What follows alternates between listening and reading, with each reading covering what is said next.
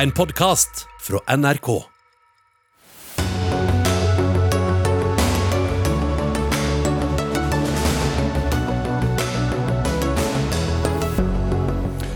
Private barnehager protesterer mot regjeringens varslede pensjonskutt og vil stenge dørene på tidlig ettermiddag på onsdag. Boikott heller protesten og hent til vanlig tid, oppfordrer venstresiden. Trodde du dagens strømregning var komplisert? Vel, vent til nyåret, når også nettleien blir annerledes. Da blir det dyrere også der, når mange bruker strøm samtidig. Nytt utvalg som skal vurdere vinter-OL, er bare en OL-flørt under falsk flagg, mener VGs kommentator, og møter idrettspresidenten til debatt. Og Venstre vil åpne eldre kirker for livssynsåpne seremonier. Vi kan eh, samhandle om mye, men ikke alt, svarer biskop. Ja, riktig god kveld og velkommen til mandagens Dagsnytt 18. Jeg heter eh, Espen Aas, der vi også skal innom den saken nok mange husker eh, med gru fra helgen. Omsorgssvikten i Grue kommune.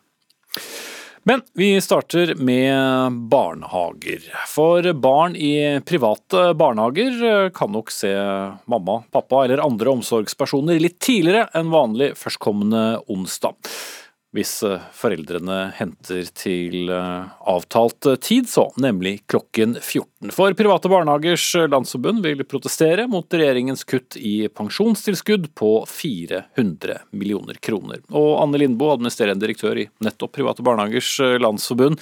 Dere representerer 2100 barnehager her i landet. Hva vil dere med denne aksjonen, som jo varer noen, noen få timer? Vi ønsker å protestere mot eh, regjeringens kutt på 400 millioner kroner til neste år, og så mye som 600 millioner kroner bort fra private barnehager i 2024. Eh, og det er et veldig alvorlig kutt, fordi én av eh, tre drifter allerede i minus.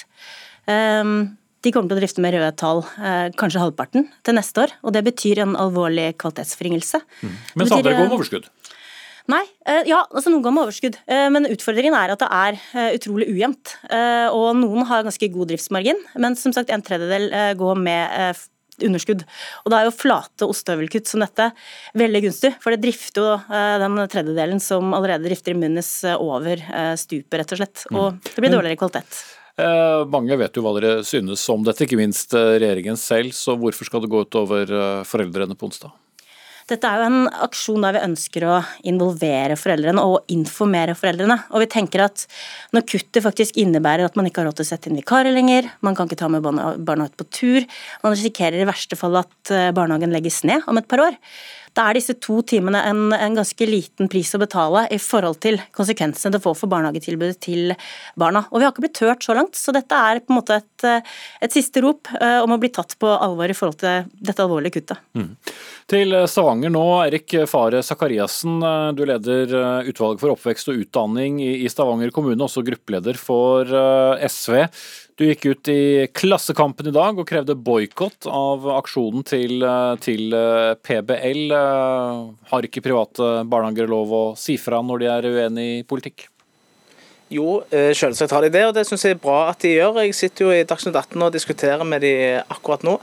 Jeg tenker det er mange måter en kunne ha protestert på, og valgt måter som ikke rammer barn og familier, sånn som dette gjør. Nå er det sånn at det offentlige og foreldrene finansierer barnehagene, og da skal de være åpne. Og Det forventer jo vi òg som eh, barnehagemyndighet i Stavanger. At barnehagene våre skal holde åpne, enten de er offentlige eller private, til den avtalen som er satt. Partiet Rødt eh, har jo gått ut eh, i media i dag og oppfordret eh, foreldre til å ikke hente barna tidligere, og heller hente til, til vanlig tid. Og mener også at foreldre som henter barna tidligere indirekte, da støtter de private barnehagene. Er du enig i oppfordringen? Absolutt, og jeg har jo oppfordra til akkurat det samme sjøl. Jeg eh, forventer at eh, barnehagene er åpne, og PBL har selv skrevet på sine nettsider at i juridisk forstand så er dette eh, de gjør, den protesten de gjør, et brudd på den avtalen de har med foreldrene, og de har bedt sine medlemsbarnehager om å ha en beredskap knytta til de barnehagene som som, som, skal stenge, og sagt at de må forvente å kunne levere tilbud til, unger selv etter klokka to. Og Da er min oppfordring at hvis man ikke er enig i denne protestformen, så trenger man ikke hente ungene sine. Ungene skal være i barnehagen til barnehagen stenger de åpningstidene barnehagen har. Mm. Hva svarer du til de som vil boikotte protesten deres, Limbo? Jeg syns det er veldig synd at ikke SV vil jobbe sammen med oss. fordi eh, når man fjerner så mange hundre millioner fra eh, barnehagen, så gir det barnehager av dårligere kvalitet. Og jeg tror både SV og, eh, og vi er enige om at god kvalitet i barnehagen er, er viktig. Det å ha nok ansatte på jobb f.eks.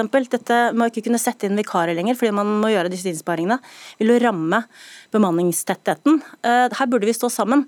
Og så er det selvfølgelig ikke sånn at hvis foreldre har problemer med å hente, så skal vi jo stille med et tilbud. Dette er, igjen, eh, det er viktig å understreke, det er på ingen måte tenkt å ramme foreldrene.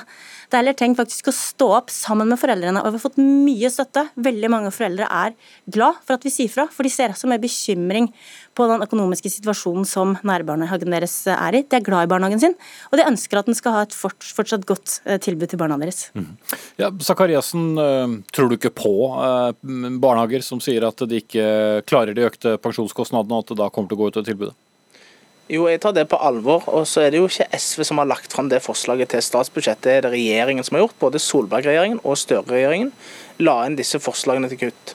Jeg er ikke sikker på at SV ville gjort det på akkurat samme måten, men vi har jo hele tiden sagt at for oss er det viktig at man har et bedre eh, innsyn og strengere kontroll med barnehagene. Og Da hadde vi hatt et litt bedre grep om hva de faktiske utgiftene er, enn vi har nå. Storberg-utvalget har sagt at de anbefaler at man skal gi det som er faktiske pensjonskostnader. Jeg regner med Lindboe er enig i at eh, de eh, uavhengige utredningene som har vist at det er en overfinansiering av pensjonspåslaget, har rett. Og så tenker jeg at vi skal, vi skal faktisk gi det det koster å drive barnehage. Det er jeg enig med Anne Lindboe i. Men jeg er jo helt uenig i aksjonsformen som en har valgt for å markere det. Så du er delvis enig i sak, men syns ikke at de skal aksjonere? Eh, altså jeg mener at det, eh, det pensjonspåslaget som nå er, er for høyt. Eh, og så er jo det nå gitt eh, som et flatt kutt. Eh, det, det, tenk, det, tar jeg på alvor når PBL sier det de sier, men jeg mener likevel ikke at man kan fortsette en overfinansiering eh, av det påslaget vi, som det offentlige, enten det er kommune eller stat, skal betale det det faktisk koster å drive barnehager. Fordi det som jeg synes er et viktig spørsmål å stille til Anne Lindboe er, hun kan, kan hun garantere at ingen av de ekstra pengene som er gitt gjennom dette pensjonspåslaget, er gått til utbytte eller profitt? Vær så god. Det er riktig det som blir sagt her at eh, det er noe overfinansiering på pensjon. Men så er det sånn at det er underfinansiering av de andre elementene, altså driftstilskudd og kapitaltilskudd.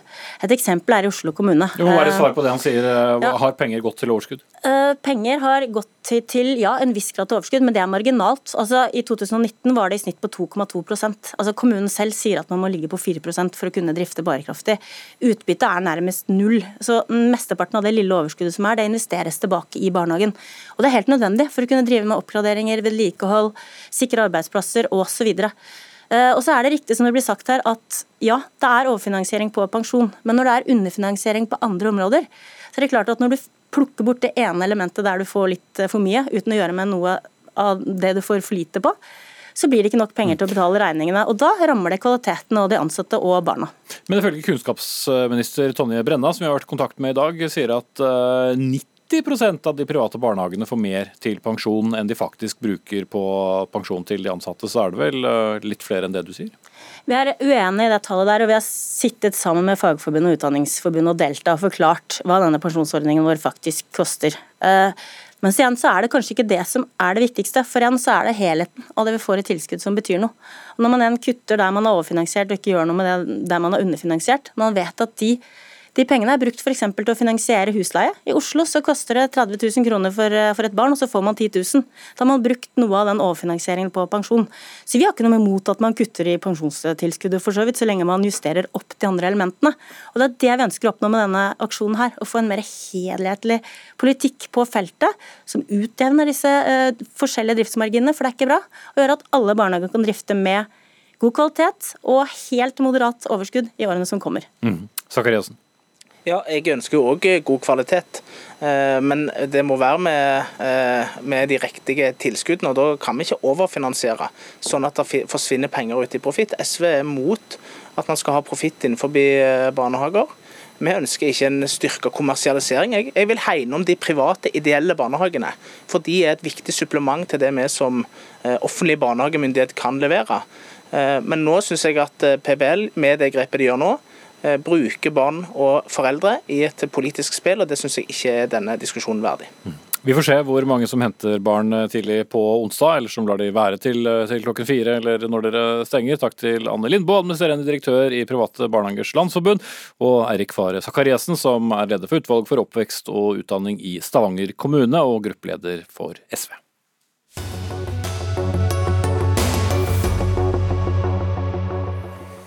Mot eh, slutten av sendingen. Venstre vil åpne eldre kirker for livssynsåpne seremonier som begravelser. Det syns ikke en biskop nødvendigvis er en god idé. Så Nok en dag med skyhøye strømpriser i eh, kongeriket, og det å forstå helt hvorfor strømprisen blir akkurat det den blir, kan eh, være litt av en oppgave for eh, menig mann. Om en drøy måned blir det enda litt mer å følge med på, for da skal også nettleien legges om, altså prisen det koster å få fraktet strømmen hjem til der du bor. Da skal eh, nettleien økes når det er eh, stor trafikk, og så skal den gå ned når det er mindre trafikk. Hørtes det enkelt ut? Vel, la oss eh, lytte til en av våre gjester i studio nå, Andreas Strømsheim Aamodt, Anmot, fagsjef for næringspolitikk i Nelfo, som da ligger under NHO. Dette blir ikke så enkelt, mener du? Nei, vi mener jo ikke det. Ehm, først vil jeg jo si at vi er jo positiv til målet som ligger bak denne endringen som nå skal gjennomføres eh, fra nyttår. For Det handler om å fordele strømtrykket utover eh, døgnet? Ja, altså det, Den uttalte målsettingen er jo at øh, kapasiteten i strømnettet skal utnyttes bedre, slik at man over tid kan investere mindre i nett, og noe som da potensielt over tid også kan redusere nettleien, at den blir lavere enn det den ellers ville vært. Mm. Så, det, så Målet øh, stiller vi oss fullt og helt bak. Det vi øh, er litt Eh, kritiske til, er jo da virkemidlet som de nå tar i bruk for å oppnå målsetningen. Og eh, For det første så eh, tror vi ikke at denne nye strukturen eller modellen som nettleien nå skal baseres på, vi, vi tror ikke at den virker. Det blir ikke en bedre nettutnyttelse nødvendigvis. Ja, hvorfor ikke det? Nei, grunnen til at vi tror det er at nå skal jo husholdningene eh, avregnes etter hvor mye strøm de bruker samtidig. Og Det er jo ikke slik at eh, husholdningene eh, lager mat, dusjer, vasker klær eh, samtidig. Vi lever veldig forskjellige liv. Så på gjennomsnittet så, så bruker vi ganske strømnettet jevnt og trutt ganske likt, selv om vi da har individuelle store variasjoner i forbruket vårt. Så det å gi et insentiv til å si, redusere toppene dine, vil ikke gi et veldig stort utslag på den samlede belastningen på nettet. Så Det er, det er årsaken til at vi, vi syns dette er eh, unødvendig. og, og eh, det er jo som du selv innleder med, det, det, det, fremstår som veldig komplisert og ikke minst ekstremt uforutsigbart for strømkundene. Mm. Tore Morten Wetterhus, administrerende direktør i Glitre Energi. Dere driver da 20 kraftverk i Buskerud og Hadeland og leverer strøm da til om lag 125 000 husstander. Hvorfor er dette en god idé? Nei, Det er som det er sagt her. For det første må jeg si at jeg driver nettselskapet, ja, ikke produksjonen. Ja. Men det er veldig relevant, tenker jeg. Det er jo det at vi ønsker øh, å holde nettleia lavest mulig øh, fremover. På et lavest mulig nivå. Og da er det sånn Når samfunnet skal elektrifiseres, og det skjer jo en masse nå, så er det viktig at vi da tar i bruk all den ledige kapasiteten, eller mest mulig av ledig kapasitet som er i nettet, og det er mye av den, før vi må bygge nytt nett. Og, og Det kan godt være at mange syns den nye modellen er komplisert. Eh, det har vi forståelse for. så Noe som blir veldig viktig her, er å kommunisere hvordan kan man bruke den nye modellen. Mm. Og Da handler det veldig mye om at du, når du lager mat om ettermiddagen, eh, ikke kjøre på maks lading på elbilen samtidig. Det er trygt og sikkert å lade elbilen på natta. hvis du gjør det i henhold til forskrifter. Så et sånt enkelt grep, bare pass på at du lader elbilen hvis man har det, på et annet tidspunkt enn når du lager mat så kommer man veldig langt. For Det er det det nye store forbruket som veldig fort kan kreve veldig mye av strømnettet, som gjør at vi da må investere mye. Men, men hvordan skal jeg som uh, strømkunde egentlig vite Ok, du sier lade elbilen på, på natta, men mye av strømforbruket hjemme handler jo om oppvarming av vann, det handler om tørketrommel, vaskemaskin, oppvaskmaskin på denne tiden av året. Oppvarming eh, da. Hvordan eh, skal jeg unngå å, å nå disse toppene, og når vet jeg egentlig når toppen er? Mm. Vi har I det selskapet jeg jobber, så har vi kjørt den nettleiemodellen her som man er redd for nå, har vi kjørt i allerede i tre kvart år. Eh, og vi har kjørt en lignende modell i snart to år. Eh, og, og, det vi ser er at klart Når du får introdusert den modellen her, eh, så er det litt læring hos alle. Det er jo derfor vi gjør det, for at vi skal bli bevisst. Og for de aller fleste så blir det veldig små forskjeller. Så det er når du tar på de store tingene. Altså, men, men en enkel husholdning, hvis du greier å la være å kjøre vaskemaskin samtidig som du lager mat og lader elbilen samtidig, så kommer du langt. Mm. Men så, vet ikke folk det i dag? Ser, nei, det, eller de vet det, men så tror jeg det er det er ikke noe insentiv, det er ikke noen måte, ordninger som forteller folk at det krever mye av nettet. Vi er heldigvis veldig godt vant i Norge. Vi har et ekstremt bra strømnett eh, internasjonalt sett. Så vi regner med at den strømmen er der hele tiden. Så det at det da faktisk er utfordringer eh, Og vi har sett at hvis man da gjør dette her eh, optimalt dumt, Eh, og Det gjør man ikke nødvendigvis, men bare for å tegne et eksempel, så har vi sett at eh, vi har regnestykker som sier at nettleien vil doble seg mm. hvis man da gjør allting samtidig. Mens derimot det grønne skiftet med elbiler, det har vi kapasitet i nettet allerede. Ok, nå må vi slippe til Åmot. Ja. Ja, jeg synes jo eh, altså Dette scenarioet om at alle kommer til å slå på alle apparater samtidig og lade elbilen sin samtidig, det scenarioet kommer jo ikke til å slå, slå, fast. Vi kan også regne oss fram til et sånt uh, skremselsscenario, men uh, akkurat som når vi dimensjonerer vannsystemet, så dimensjoneres jo ikke det ut ifra om alle i hele Norge dusjer samtidig. Vi vet at folk lever helt forskjellige liv, og derfor jevner ut strømmen ganske greit utover døgnet. Nå får de bl.a. gjennom strømregning et eh, insentiv til å lade om natta. og Tall fra eh, Elbilforeningen viser jo at det er jo nettopp eh, det folk gjør. Mer enn 50% av husholdningene lader faktisk om natta allerede.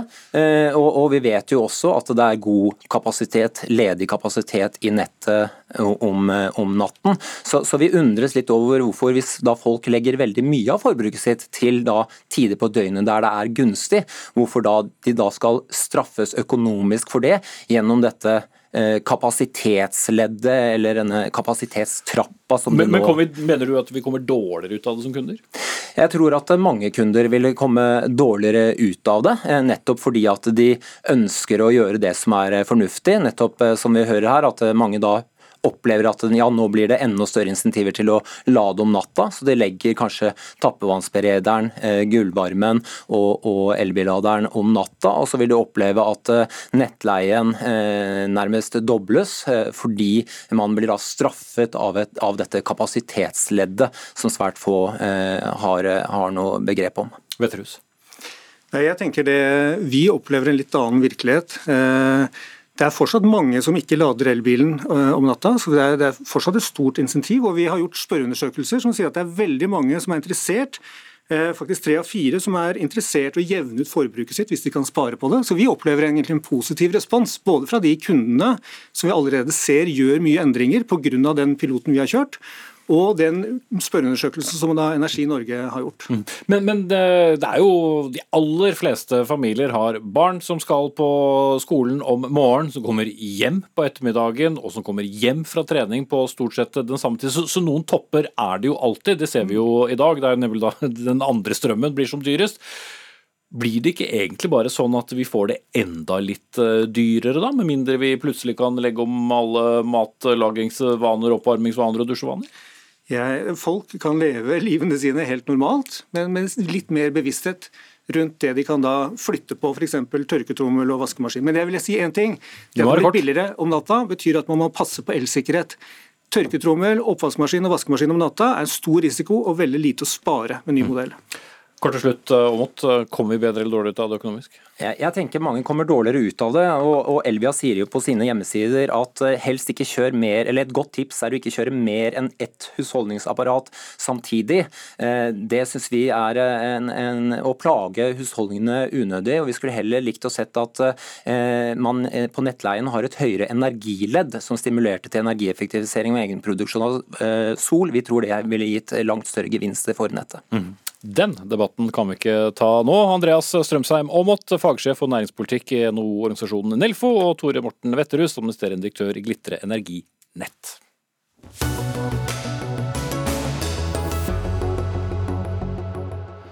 Så skal vi til eh, skal vi si en, eh, en klassiker, nemlig eh, skoleeksamen. For rett under 30 30 000 personer har nå signert en underskriftskampanje som ber regjeringen avlyse avgangseksamen for elever på videregående i 2022. Det meldte VG i dag. I 2020 og i år ble avgangseksamener i ungdomsskolen og videregående skole, med unntak av privatisteksamene, avlyst pga. Av pandemien.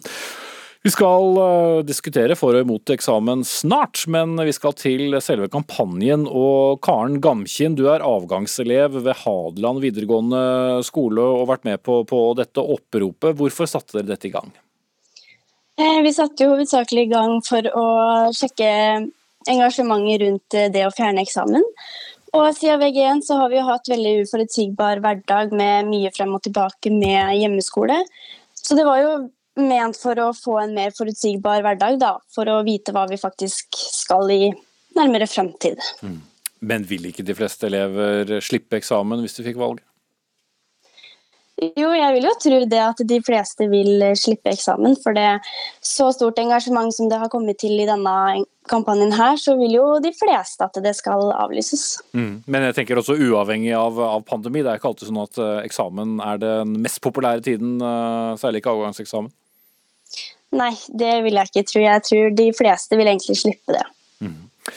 Nærmere 30 000 hadde signert det jeg gikk i, studio. Det forteller jo et visst uh, engasjement, men hva, hva håper dere å få i stedet? Vi håper jo på at vi skal bli hørt, og for å få en mer forutsigbar uh, hverdag hvor Eh, lærere får mer forutsigbar hverdag med at de eh, skal egentlig lære oss det her eh, fagstoffet som vi skal ha på eksamen. Og at vi elever også skal kunne vite at vi ikke trenger å stresse så mye da, fram til eksamen. Men når det er et normalår igjen, da er det greit med eksamen? Jeg tenker jo at det her er jo Kampanjen jeg starta for i år, og for eksamen som vi skal ha i 2022. Så jeg har ikke noe veldig mye å si på det videre. Mm. Det er det en annen kar som skal få lov til å, å, svare på i studio. Takk skal du ha, eh, Karen Gamkinn. Men Rita Helgesen, du er leder i Norsk eh, lektorlag. Dere var ikke så begeistret for dette oppropet? Nei, vi har jo forståelse for at elevene syns det er vanskelig og at det er litt uforutsigbart, og at man gruer seg til det som er litt uh, skummelt. Men uh, nå er det sånn at de aller fleste elevene har hatt uh, ganske normal undervisning hittil dette skoleåret, det er jo altfor tidlig å begynne å avlyse eksamen nå. Mm. Vi vet jo ikke riktig hva som skjer utover våren. Men det har vært en klar oppfordring om å holde deg hjemme med minste antydning til litt forkjølelse. Så helt normalt har det vel ikke vært? Nei, men uh, nå er det sånn at veldig mange har fått uh, undervisning allikevel. Altså, det har vært mye digital undervisning, og elevene har ikke vært lenge borte dersom de har mistenkt at de har vært smittet. Vi har hatt disse hurtigtestene, og da har det gått ganske kjapt. Men litt fragmentert har det unektelig vært? Lite grann. Edvard Potteli Udnes, leder for Leveorganisasjonen. Dere har eh, langt på vei støttet dette oppropet. Hva er det dere ser som Helgesen ikke ser? Altså, eh, Nå som vi har lagt de nasjonale tiltakene bak oss, så er det veldig lett å tro at vi er i en normaltilstand, men jeg mener det er litt naivt. fordi Bare fordi vi kan gå på skolen eller på klubben og dra på one night stands, så betyr ikke det at vi er i et normalår. Fordi vi har disse konsekvensene fra det et og et halvt året vi legger bak oss, med tapt læring og både faglig og sosialt. og Derfor ber vi eh, om at Utdanningsdirektoratet tar en ordentlig risikovurdering på det, sånn som de gjorde i januar i år for vårens eksamener. fordi Parutvalget, som så på tapt læring gjennom pandemien, trakk også fram avviklingen av eksamen som eh, en ting som tar mye tid og rom for ting som kunne blitt brukt for å tette læringshull. Så jeg Men, mener det er veldig naivt å se på at nå er alt greit, bare fordi vi kan danse på klubben. Men her er vi først og fremst opptatt av eh, undervisningen, skoleåret så langt. Ja, nei, men det, det er Eh, to sider av samme sak, mener jeg. Altså, ja, vi ser økt smitte steder, og smitten har gått kraftigere utover skolen enn resten av samfunnet i høst. Men det er også viktig å tenke på at eksamen skal være en helhetsvurdering av utdanningsløpet ditt. Som betyr at om du har kunnskapshull fra tidligere år også, det er viktig å understreke at 2003 og 2006-kullet bare hadde et halvt år med normal skole. Så må det også være noe vi tar i betraktning. Det var noe Utdanningsdirektoratet ja, tok i betraktning ja, og, i januar. Og, og, og ta det poenget, Helgesen, fordi skal du ha ha avgangseksamen nå, så har du ikke fått helt det samme, samme grunnlaget som eh, de som hadde avgang eh, før eh, pandemien. Nei, og jeg vet det at det alle lærere og lektorer og elever jobber nå på spreng nettopp for å tette kunnskapshullene og ta igjen det som eventuelt ikke fikk gjort godt nok. Og så er det sånn at eksamen i VG3 det er i grunn bare to fag som går over flere år. Så de som eh, ikke skal eh, si, Alle skal opp i norsk, der er det kanskje ekstra mye som må, må tettes av hull. Og så er det historie, hvor man hadde to timer i forrige skoleår.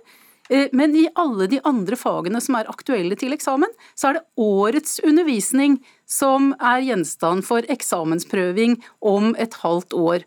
Og da er det altfor tidlig å begynne å avlyse det. Udnes. Altså, det er veldig ille å se på uh, dette som et isolert år. Vi må se at når vi skal tette kunnskapshull, så skal vi ikke bare jobbe ekstra hardt. Det må også ha konsekvenser for hvordan skoleåret ser ut. Og vi mister mange uker og mange undervisningstimer på å avvikle eksamen og med å sette standpunktkarakterer mye tidligere pga. de må være satt før eksamen begynner, som betyr at vi mister tid der. Og uh, dette med at uh, man bare har eksamen som vurderes på det ene året, er jo ikke helt riktig. Eh, men det er også viktig å tenke på den tiden som legges inn. Eh, vi må gi lærerne og elevene tid til å tette kunnskapshullene, og da må skoleåret se litt annerledes ut. Og Dessuten så ber vi bare om en risikovurdering her. Vi ber ikke om avlysning i morgen, at Tonje skal gå ut og si at vi avlyser. Altså eh, Tonje Brenna, kunnskapsministeren. Ja, Helgesen, er det så farlig å bare ta en risikovurdering? Nei, selvfølgelig er det ikke det. Og det, det hadde vi uansett kommet til å gjøre. Men jeg, jeg, jeg, opplever jo at det er en forventning om avlysning av eksamen i, der ute i offentligheten, selv om du ikke sier det. Og jeg tror jo, er jo også litt redd for at uh, man, mange på lang sikt rett og slett vil avvikle hele eksamensinstituttet og erstatte det med noe annet. Mm. Og det, det er direkte, ikke så greit. Rita, dette er en helt annen diskusjon, og det er egentlig ganske billig retorikk fra lektorlaget at man drar inn den generelle eksamensdebatten her. fordi at eh, av og til så må man se på krisesituasjoner som vi definitivt er i. Og vi har allerede fått gjennomslag i Hurdalsplattformen for å se på alternativer til eksamen, så dette er ikke en, et uh, triks vi bruker for å få gjennomslag der. Men det er vel lett og, å tenke det når dere ikke er så begeistret for eksamensformen som sådan? og for så vidt ja, ja, men det er jo også lett studio. å tenke at lektorlaget er begeistret for eksamens uh, sådan, og, og det er dere vel? Avvikle, derfor vi avholder den. Så det er, det er, ikke relevant for denne diskusjonen, er bare poenget mitt. Helgesen. Ja, jeg, lurer jo litt på hvorfor føler elevene seg så veldig uforberedt til eksamen, når karakterene, standpunktkarakterene både i fjor og i forfjor, for de som nå skal opp til eksamen, eh, standpunktkarakterene var mye høyere enn noensinne. Det tyder jo på at de faktisk kan mer, og eh, lærerne har vurdert dem som eh, godt egnet. De har klart det som de skal klare i fagene. Eh, hvorfor er det da så skummelt å måtte gå opp til eksamen? Det er helt riktig at standpunktkarakterene gikk opp, men samtidig så har vi Ungdata-undersøkelsen som viser at elever eh, opplevde og har hatt eh, mindre læringsutbytte under pandemien. og Det er ikke å stikke under en stol at ett og et halvt år med digital undervisning har konsekvenser, selv om man klarer å hente seg inn på akkurat det man skal eh, kunne på slutten av skoleåret for å nå den standpunktkarakteren. Det er bred konsensus i offentligheten om at vi har tapt læring både faglig og sosialt i pandemien. Det må ha konsekvenser for i år også. Mm. Men dere vil gjerne ha fått testet elevene skikkelig nå? Ja, og i Hurdalsplattformen så står det også at elevene skal ha eksamen både etter ungdomsskolen og etter videregående, så der eh, er også regjeringen tydelig på at de vil gå inn for eksamen. Siste år, Rudnes. Ja, og det har ingenting å si for eh, pandemien, fordi at eh, det her er krisehåndtering. Eh, vi må se på konsekvensene av pandemien, og da er det bare riktig å få en tidlig avgjørelse, en tidlig vurdering, istedenfor å bare synse om eksamen er viktig eller ikke. Ok, dere skal i hvert fall få avgang herfra. Edvard Botteli Udnes, leder for Elevorganisasjonen, og Rita Helgesen, leder i Norsk Lektorlag. Og vi takker også til Karen Gamkin, som var en av de som startet oppropet.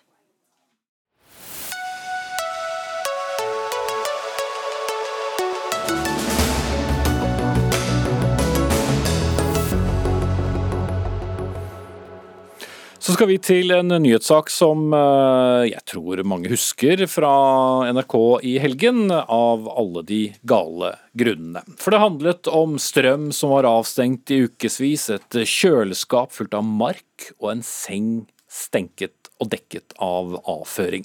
For det var det familien til Arnfinn Nyhagen møtte da de skulle rydde ut av den kommunale boligen til deres avdøde onkel i fjor. Saken er heller ikke helt uh, unik. I 11 av 14 tilsyn har statsforvalteren funnet lovbrudd som bl.a. er knyttet til uverdige behandling av eldre i Grue kommune. Dette er så tragisk at det er til å grine av, sa du eh, Bård eh, Hoksrud, stortingsrepresentant og helsepolitisk statsperson for Fremskrittspartiet, og krevde at regjeringen tar grep. Hvordan skal en regjering ta grep for noe som skjer i en kommune? Det er jo fordi at regjeringa er de som sørger for at tilsynet gjør jobben sin, at statsforvalteren gjør jobben sin. Og det er klart Når man ser dette her, og det har også vært elleve saker hvor, det har vært tilsyn, eller hvor man har hatt tilsyn fra statsforvalteren som sier at det blir begått lovbrudd i én kommune, så er det utrolig, utrolig rart at det i det hele tatt kan få lov å skje. Og Det er da jeg mener at her må regjeringa og helseministeren Det er synd helseministeren ikke er her i denne debatten, for dette er en utrolig viktig debatt. Eh, og det er litt provoserende, fordi nå må vi gjøre noe vi ikke har gjort før, nemlig si at statsforvalteren må overta styring av denne kommunen fram til man har fått dette under kontroll. For det handler om verdigheten og tryggheten for at man får god pleie og omsorg når man bor i en kommune. Mm. Ja, som du for så vidt sa, Hoksrud. Ingrid Kjerkol eh, har eh, Ingvild Kjerkol, som hun heter, eh, hadde ikke mulighet til å stille i, i, sendingen. Men du har fått lov å stille i hennes sted. Cecilie Myrseth, stortingsrepresentant og helsepolitisk talsperson for Arbeiderpartiet. Når det ikke fungerer i kommunen og statsforvalteren, som er statens representant, bør ikke da staten gripe inn? Jeg først vil jo si at um, altså Jeg er jo like forferda som Bård Hoksrud over denne situasjonen. og Det er ingen, uh, ingen familier som skal måtte uh, møte dette. Pårørende eller, uh, eller pasienter eller innbyggere. alle skal få gode helsetjenester, omsorgstjenester i hele landet.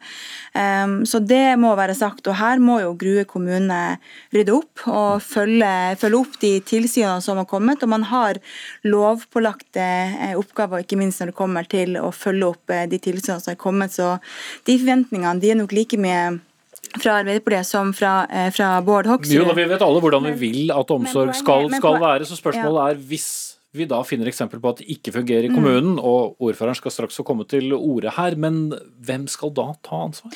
Poenget er at det er kommunene sitt ansvar. og vi må ja, ha... Men når de ikke tar ansvar? Ja, men Da har man jo eh, tilsyn og ulike eh, myndigheter på det, og her er det jo et eh, arbeid som pågår. Men, men jeg syns jo det er en eh, avsporing, om jeg får lov å svare ferdig da på det, en avsporing av debatten om man skal si at eh, om det har skjedd noe så ille i en kommune, så skal man bare eh, drive med noen overformynderi av en kommune, eller frata en kommune råderetten over sin egen kommune. Det er jo litt det Bård Hoksrud egentlig tar til orde for. Man roper liksom på at nå må staten ordne opp. Eh, men jeg tenker at vi har eh, selvstendige kommuner i dette landet som er nødt til å ta det ansvaret som de er pålagt. Ok, Det poenget er tatt, men nå skal dere begge ta på dere hodetelefoner, og så skal eh, dere få høre deg, Rune Grenberg, ordfører i Grue kommune, fra samme parti som Myrseth her, nemlig Arbeiderpartiet aller først, hvordan kunne det skje? Og så lurer vi på hva dere gjorde med det. Uh, uh, Da jeg gikk på som ordfører for to år siden, så visste jeg at det var mange utfordringer på helsesektoren i Gry kommune. Og vi har som mål, sammen med administrasjonen og de ansatte, å løse de gjennom et langsiktig forbedringsarbeid. Og så er det den saken som det vises til i reportasjen her, som er fra sommeren 2020 Eh, som er en slik, nettopp en slik en sak som, som, vi skal greie å ivareta eh, og, og jobbe for at ikke skal skje gjennom det langsiktige arbeidet vårt. Jeg visste at det kom til å ta lang tid. Eh, vi jobber eh, i prosess med det, og vi må få lov til å fortsette med å jobbe i prosess med det for å greie å ivareta og levere gode helsetjenester i Jo, jo, det skjønner jeg, Grenberg. Men eh, så er det da to poeng her. Det ene er at din kommune også fikk kritikk på, om uverdig behandling av eldre tilbake i, i 2018. Da lovet også kommunen å rydde opp.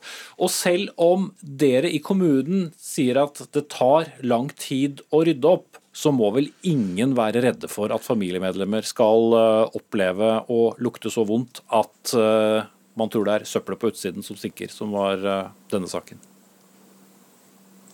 Nei, absolutt ikke. Og jeg tenker at nettopp det tilfellet viser at vi i Gru kommune har, har mye å jobbe med. Uh, og derfor er, jeg, derfor er, jeg, som ordfører veldig opptatt av å følge de prosessene som vi har satt i gang uh, mot et felles mål sammen med administrasjonen og de ansatte, for å kunne levere gode helsetjenester for innbyggere i Grua òg i framtida. Men, men, når dere ikke klarer det, bør du da som kommunens øverste valgte leder ha mulighet til å be om hjelp fra noen andre. Eh, Bård Hoksrud fra Fremskrittspartiet mener da at statlige myndigheter må, må gripe inn. Er du enig med han? Eh, jeg tenker at vi gjennom Statsforvalteren har et godt samarbeid. Statsforvalteren har vært inne og sett på denne spesifikke saken. Eh, kommet med en rapport der han, der han, påpeker mange ting som er faktisk lovbrudd overfor Grue kommune. De, eh, den rapporten den følger vi opp. Vi gjorde også et internt tilsyn før rapporten kom, som viser også de samme tingene. Så, så at vi har et godt samarbeid med statsforvalter og fylkeslegen i dette her, er med på å hjelpe oss i riktig retning. Og så kan jeg jo si at uh, I forkant av dette, her, det før jeg gikk på, så var uh, sykehjemmet en, en, sak i Grue kommune det ble jobbet mye med. og Det ble ut, utarbeidet et forprosjekt sykehjem som skulle være med på å vise hva vi måtte endre på i, i vår organisasjon. Men du kan kanskje være enig i at det tok i overkant lang tid? Eh, da jeg gikk på for to år siden, så gikk vi rett inn i en koronaperiode. Det har ikke vært noe enkelt å starte omorganiseringer, det har ikke vært noe enkelt å starte forbedringsarbeid, men vi er i prosesser på det. Vi har satt i gang mange ting. Vi har, ok, Du skal få slippe å eh, regne opp alle de en gang til eh, nå. Beklager at jeg avbryter deg, men jeg vil tilbake til rikspolitikerne også, begynne med deg, Hoksrud. Jeg må si jeg blir eh, litt provosert. fordi altså Når ordføreren sier at dette har vi tatt tak i, dette handler om langsiktig arbeid August i år var en ny sak hvor en person altså skulle blitt fulgt opp av kommunen daglig eh, og lå død i flere dager i den samme kommunen. Dette er altså lotto med innbyggerne og eldreomsorgen i Kommune-Norge. Og det kan ikke få lov å fortsette å være sånn som dette. Jeg reagerer ganske kraftig når jeg hører ordføreren. Det er greit å si at man jobber med dette, dette er et langsiktig arbeid, men det handler altså om eh, at folk skal kunne stole på at de får en verdig, trygg og god eldreomsorg eller eh, pleie- og omsorgstjenester. Og bare siden i går så har jeg fått masse henvendelser fra pårørende eh, og eldre rundt omkring i landet som eh, kan fortelle om noe de opplever som lignende saker som det vi har fått nå. Da viser at vi har en stor utfordring. Eldreomsorg har vært på dagsordenen i 30 år. Eh, og nå må vi få rydda opp, eh, fordi det kan ikke fortsette å være sånn som det er. Og det blir for enkelt for Arbeiderpartiet å bare si dette må kommunen ordne opp i. Nei, kommunen klarer ikke å ordne opp i dette. 11-14 tilsyn, 11 brudd på loven i 11 tilsyn. Det er uakseptabelt. Det er i én kommune. Det handler om at vi må ta tak, og da må vi sørge for at når kommunen okay. ikke gjør det, så må vi følge opp. Ja, altså Jeg hører, hører liksom eh, eh, hva Bård Hoksrud sier, og de sakene som kommer opp, eh, det berører oss alle sammen. Det skal ikke være sånn.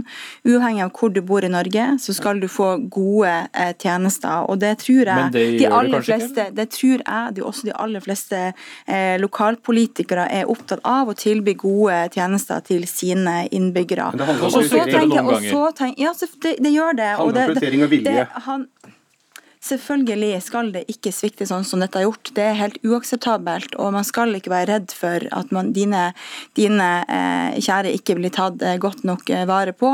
Eh, og det ansvaret det ligger i den enkelte kommune. Det er sånn vi har organisert dette landet. Poli jo, men Det vet vi, men hvorfor skal, opp, hvorfor skal det komme dit da at pårørende oppdager sånt som denne saken? Vi må jo ha et system som forhindrer at noe sånt eh, skjer igjen. Altså, Denne saken er helt for jævlig. Eh, du kan ikke si noe annet enn det. Eh, og det skal ikke være sånn. Og her har Kommunene har et lovpålagt ansvar eh, om å føre tilsyn og følge opp.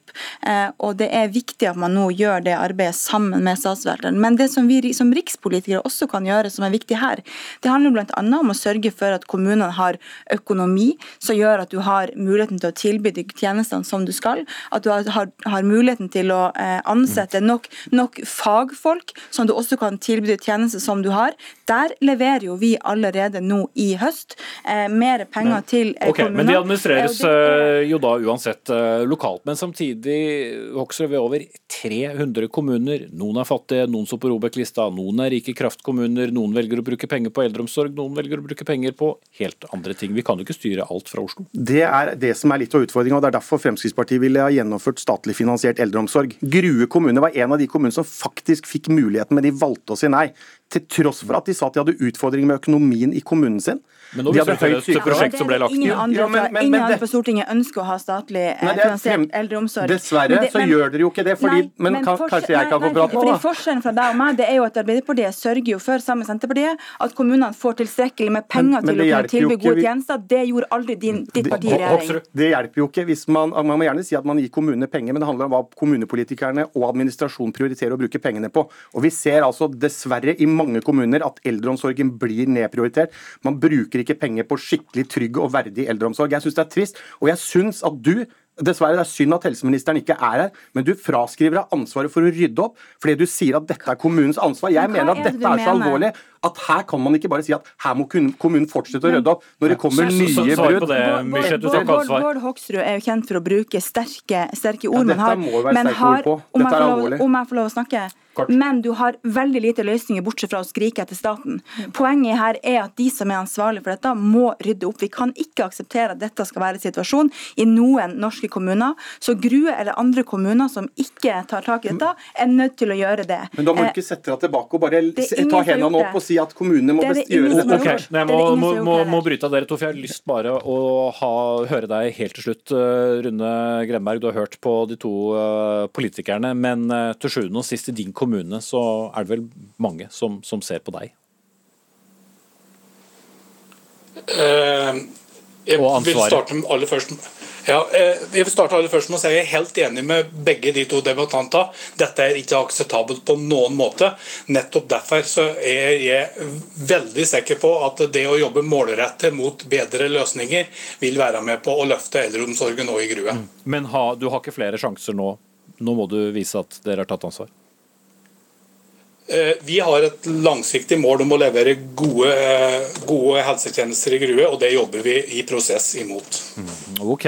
Rune Grenberg, ordfører i Grue kommune. Cecilie Myrseth, eh, stortingspolitiker fra Arbeiderpartiet. Og Bård Hoksrud, stortingspolitiker fra Fremskrittspartiet.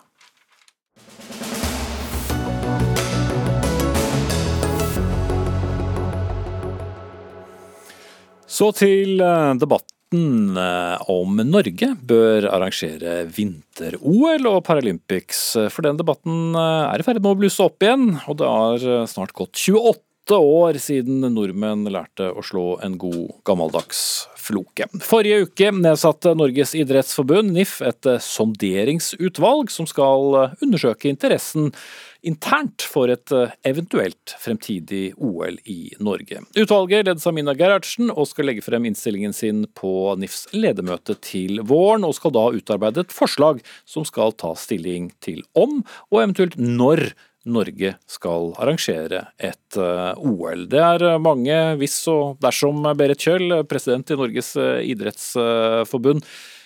Men altså, din stilling, du er vel ganske klar for et nytt vinter-OL? Jeg forholder meg helt nøytralt, eh, og det er jo nettopp det også dette utvalget som er satt ned nå skal gjøre. Vi har satt ned et utvalg som på objektivt og nøytralt grunnlag skal utrede interessen for og også gå inn og definere ulike premisser som skal ligge til grunn for å kartlegge interessen internt i idretten. Mm. Så det er utvalgets mandat. Og Leif Welhaven, sportskommentator i VG. Da dette utvalget ble presentert, så skrev du en kommentar hvor overskriften var 'OL-flørt under falskt flagg'. Hva er det falske flagget? Så problemet er at Berit Kjøll sier én ting eh, og gjør noe annet. Altså Hvis vi ser på sammensetningen av dette utvalget, så har jeg veldig vanskelig for å finne noe som ligner på en skeptiker eller en kritiker til OL. Altså Dette skal ledes av Mina Gerhardsen, som altså har tidligere uttalt at OL i Norge er alltid en god idé, og ja til OL, idrettsglede og folkefest. Aksel Lund Svindal sitter i utvalget. Han var en aktiv frontfigur altså i det mislykkede innsalget på, på OL til Oslo i 2022.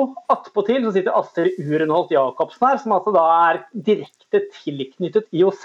Altså Vi slipper jo sånn organisasjonen som eh, historisk sett har vært mye av problemet på å skulle selge en OL-idé til Norge, inn i selve inn i selve utvalgsarbeidet her. Og, altså, problemet er at du får ikke en ordentlig pro- og kontradebatt hvor du jager både argumenter for og argumenter mot.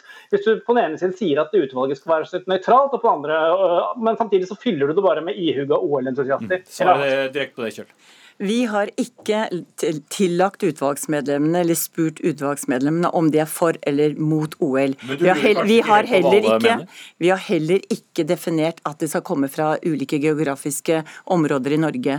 Utvalget er bredt og godt sammensatt av representanter, fire representanter fra utøvere, eh, utøvere eller representanter fra vinterolympiske særforbund, eh, sommerolympiske særforbund, idrettskretser. Det er minoritetsperspektiv ivaretatt, paraidretten er ivaretatt. Vi opplever, og det er ikke ikke utvalget som skal gjøre.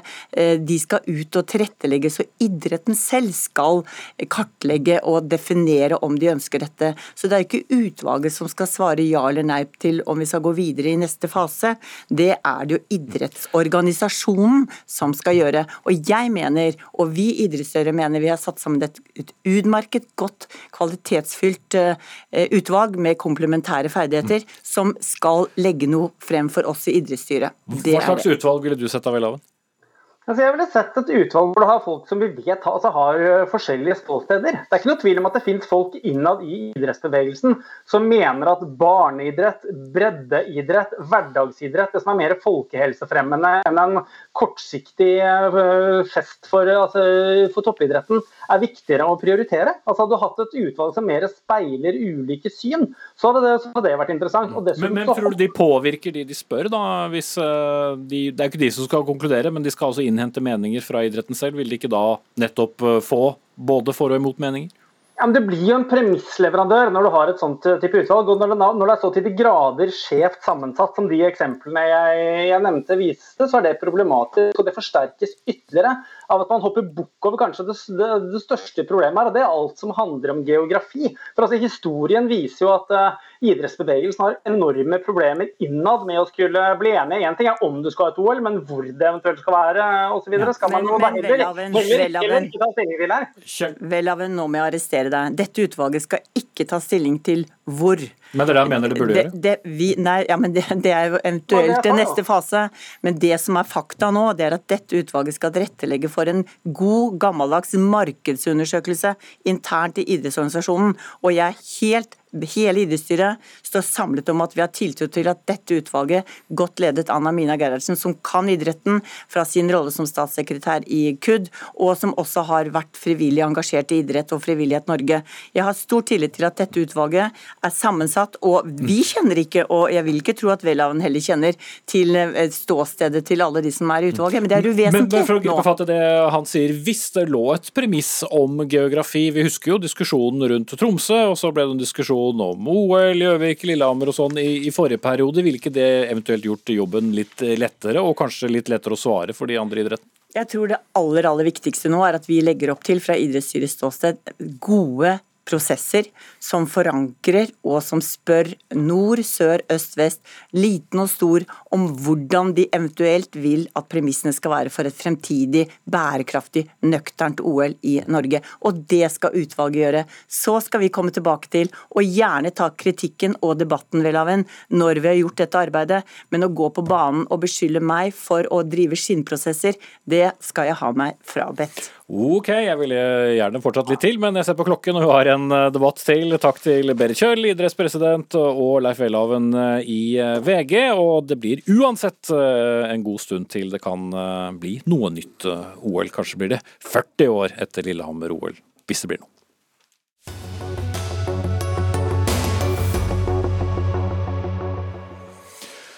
Hvor går du dersom du skulle f.eks. ønske deg en ikke ikke-kristelig seremoni, f.eks. For i forbindelse med en bisettelse eller vielse. Vel, denne tematikken har vært diskutert eh, i både Vårt Land og Aftenposten i det siste, til tross for at kommunen har plikt til å stille med såkalte seremonirom vil mange av disse ofte oppleves som uegnet for store begivenheter. Og Agnes Ravatn, journalist og forfatter, med oss på linje fra Valevåg. Du var en av dem som eh, satte i gang hele denne debatten. Hvordan er det å arrangere det som heter en livssynsåpen seremoni der du bor? Det har jeg vel egentlig aldri eh, hørt om, at det har skjedd. Og det dreier seg nok mest om at det ikke finnes noen egne lokaler her i området.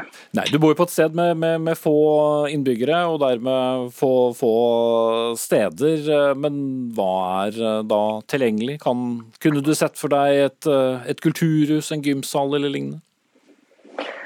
Ja, Nå eh, er det ikke sikkert vi har noe kulturhus heller i, i nærheten. men Gymsal det har vi, men det er klart at òg for oss som ikke tror eller um, tenker at vi tilhører et spesielt livssyn eller en religion, så, så er jo begravelsesseremonien spesielt da, Det er jo blant våre viktigste og vondeste seremonier. Og da eh, er det klart at òg vi ønsker oss lokale som, som oppleves som passende og verdige for en sånn eh, for en, for en sånn seremoni. I alle fall at det ikke skal bryte totalt med stemninga. Mm. Og da kan en, en, kirke være et alternativ? Ja, altså mm, Jeg tror ikke jeg personlig ville hatt noe imot uh, å bli bisatt eller gravlagt i, i vår kirke her. Det, jeg, kan, uh, jeg kan egentlig godt forstå at noen i, fra kirka Eh, sitt hold eh, syns at det er provoserende, men, men, eh, det som blir brukt som motargument nå i denne debatten, er jo bl.a. at men hva skal en gjøre med all symbolikken og alle de religiøse bildene? og det Jeg tror jo at for oss som, som ikke tror, så så er det det minste problemet, egentlig. Det, vi er, altså, ja, religiøse bilder tror jeg vi tåler. og Takk skal du ha, Ravatn. Halvor Norhaug, biskop i Bjørgvin eh, bispedømme. Kan man ta i bruk kirkene uten kirkens egne folk til stede? Altså Kirken er jo et rom som har en slags dobbeltkarakter. På den ene side så tilhører kirkerommet alle. Det er jo en del av kulturarven vår, og særlig mange av de gamle kirkene er det. Og vi bruker det gjerne til konserter, og det har jo ikke noe spesielt religiøst formål. Men så er kirken også Den norske kirkes gudshus. Og vi har jo da noen regler, naturlig nok, som de fleste religioner har for sine gudshus. Nemlig at i våre gudshus så skal det være kristne seremonier og kristne gudstjenester. Mm. Og så ønsker jeg da sterkt at for de som ikke vil ha en kristen seremoni, så skal det være verdige og gode lokaler som kommunen kan stille med. Mm. Men det kan ikke skje i kirken? Nei, det kan ikke skje i kirken, nei. Det kan det ikke gjøre. Men uh, vi har jo en intensjon politisk om at det skal være livssynsnøytrale seremonirom. Mm. Guri Melby, partileder for, eh, for Venstre. Du, du, rykket ut og mente du fant en enkel eh, løsning på dette problemet i, i avisen, du, og det var å bruke eldre kirkebygg. Ja, altså, jeg løfta vel egentlig videre det poenget som Agnes Ravatn tok opp. Jeg syns det er veldig bra at hun har blåst litt liv i denne debatten. Vi har jo hatt den litt sånn med jevne mellomrom. Eh, fra kirkeforliket i 2008 så var det jo en enighet om at man skulle satse på livssynsåpne eller livssynsnøytrale seremonirom. Jeg satt sjøl i Stålsett-utvalget, der ble også det løfta fram som et viktig tema. Der løfta vi også fram ønsket om å gå i en dialog med Den norske kirke for å se om kirka, som jo nettopp har denne dobbeltheten som du løfter løfte fram både at det er litt sånn for alle, men at det også tilhører et trossamfunn. Og god dialog om, med kirka om man kunne tenke seg en litt utvida bruk av kirkerommet. Så når Agnes Ravatn løfta denne debatten, så greip hun vel egentlig muligheten begjærlig. Dette handler jo om noe så grunnleggende som trosfrihet. Det handler om trosfrihet i noen av de såreste og viktigste øyeblikkene i livene våre. Begravelse, dåp, eh, bryllup og begravelse er kanskje noe av det aller aller vanskeligste. Og, og, da er det kirkebygg som ikke lenger brukes til vanlig kirkelig virksomhet, som du tenker kan være løsningen?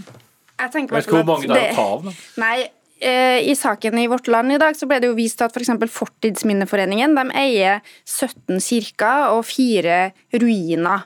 Eh, og Der har det jo nettopp vært en sak der Den norske kirke har aktivt grepet inn og bedt Fortidsminneforeningen om å ikke bruke en av disse eldre kirkene som et livssynsåpent seremonirom, og de har da føyd seg etter det. Og jeg synes jo at Disse kirkene er jo et godt eksempel på et sted man kunne starte. De er da ikke eid av Den norske kirke. Jeg mener at når andre eier dem, så burde de få lov til å bruke dem sånn som de vil.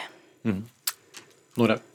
Ja, altså Jeg er jo enig i at det er veldig sårt at det ikke er verdige seremonirom. Men altså dette å gå og uh, begynne å tenke på eldre kirker, her spiller jo alderen strengt tatt ingen rolle. Uh, uansett alder, hvis en kirke er en kirke som er vigslet til kirkelig bruk, til kirkelige gudstjenester og seremonier, så har vi regler for det. og Det er biskopen som har tilsyn med kirkerommet. Men flere steder har man måttet velge hva man skal ha råd til å fortsette uh, vedlikeholde og varme opp av, av, av, kirker. De som da ikke lenger er en del av det, kan ikke de få et uh, nytt liv? Ja, altså Hvis en kirke ikke lenger er i kirkelig bruk, og ikke brukes til gudstjenester og kirkelige handlinger, så kan den jo avviksles. Men det er jo ikke aktuelt med noen kirker jeg vet om i Norge. For de er i bruk, riktignok ikke veldig hyppig. Det kan gå en fire til seks uker mellom hver gang det er gudstjeneste. Litt oftere kanskje gravferd. Det kommer litt an på folketettheten. Men eh, det er kirker som er vigsla til, til kirkelig bruk, og de er våre gudshus.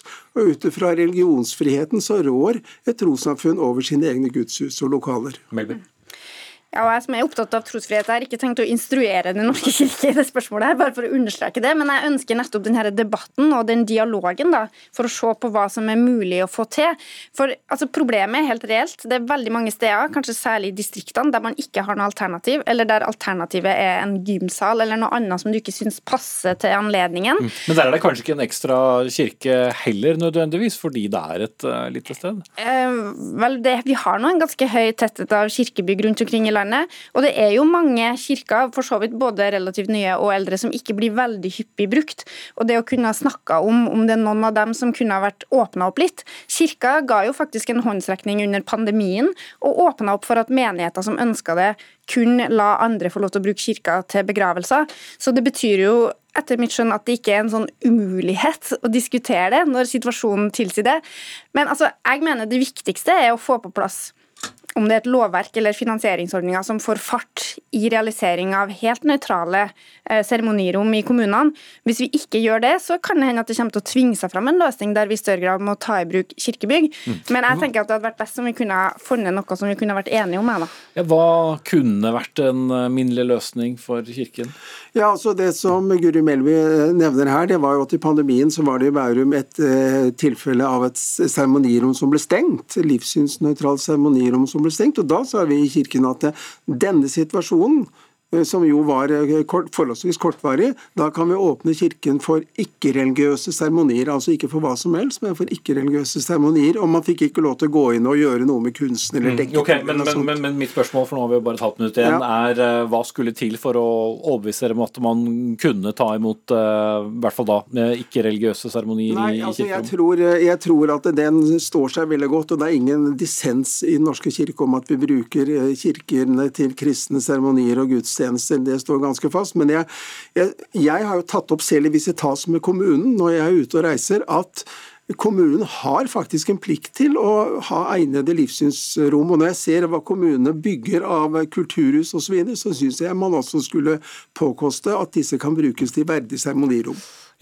Så ballen går tilbake til eh, kommunen, og kirken eh, står på det den står på. Takk skal dere ha, Halvor Nordhaug, biskop i Bjørgvin, Guri Melby, leder av Venstre, også forfatter Agnes Ravatn. Anne Katrine Førli var ansvarlig for sendingen. Lisbeth Sellereite tok seg av det tekniske. Jeg heter Espen Aas. Vi er tilbake igjen i morgen.